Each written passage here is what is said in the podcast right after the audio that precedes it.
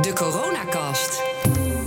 Aan het eind van je werkdag zet BNR het belangrijkste coronanieuws van de dag op een rij, zodat jij niet alle live blogs en actualiteitenprogramma's hoeft te volgen, maar binnen een paar minuten op de hoogte bent.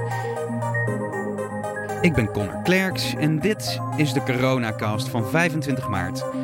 Vanuit mijn eigen huis, dus eh, het klinkt wat anders dan de studio. Om te beginnen de huidige cijfers van het RIVM. Het aantal doden door het coronavirus is met 80 meldingen opgelopen tot 356 in Nederland. Toch is Jaap van Dissel, directeur van het Centrum voor Infectieziektebestrijding bij het eh, RIVM, voorzichtig optimistisch vandaag. Hij ziet het aantal mensen dat door één coronapatiënt wordt besmet namelijk afnemen. Het reproductiegetal noemen ze dat. Dat getal lag aan het begin van de uitbraak in Nederland tussen de 2 en de 3, maar inmiddels ligt het rond of net onder de 1. Dus ik denk dat we momenteel nog een heleboel onzekerheden hebben. Dat we een aantal gunstige signalen zien, die ons sterken natuurlijk in de aanpak. Maar het moet allemaal wel bevestigd worden.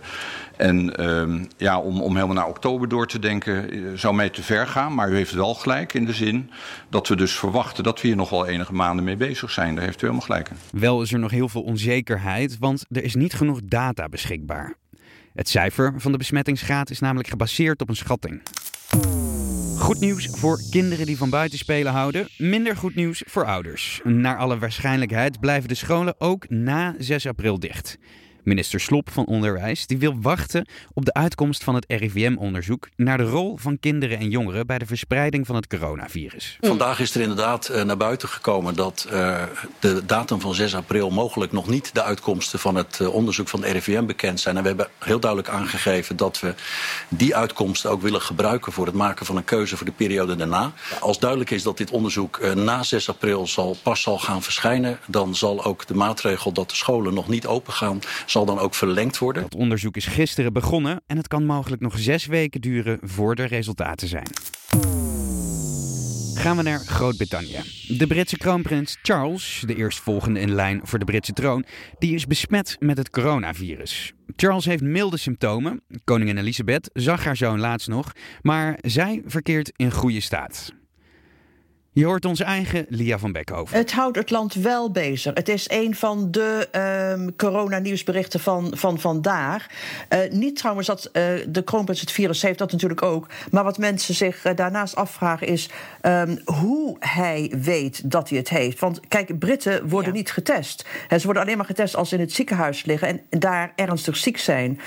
nou is Charles in Schotland. Hij, hij zit op, het, huis, op het landgoed van Balmoral van zijn moeder. Mm -hmm. En de Schotse gezondheidszorg zegt dat hij op grond van zijn leeftijd, hij is 71, en van ja, bepaalde uh, gezondheidsoverwegingen uh, toch in aanmerking kwam voor die test. En, en dat moet ik je zeggen, Roos, wekt een lichte boosheid uh, en zeker verbazing. De Amerikaanse Senaat en het Witte Huis hebben een akkoord bereikt om de Amerikaanse economie te stimuleren met een steunpakket met een waarde van 2000 miljard dollar. Een belangrijk onderdeel van het pakket is een fonds van ongeveer 500 miljard, waarmee de regering direct geld geeft aan burgers. Dat was hem voor de Coronacast vandaag. Mijn naam is Connor Klerks en dit is Mark Rutte. Let een beetje op elkaar. Ik reken op u.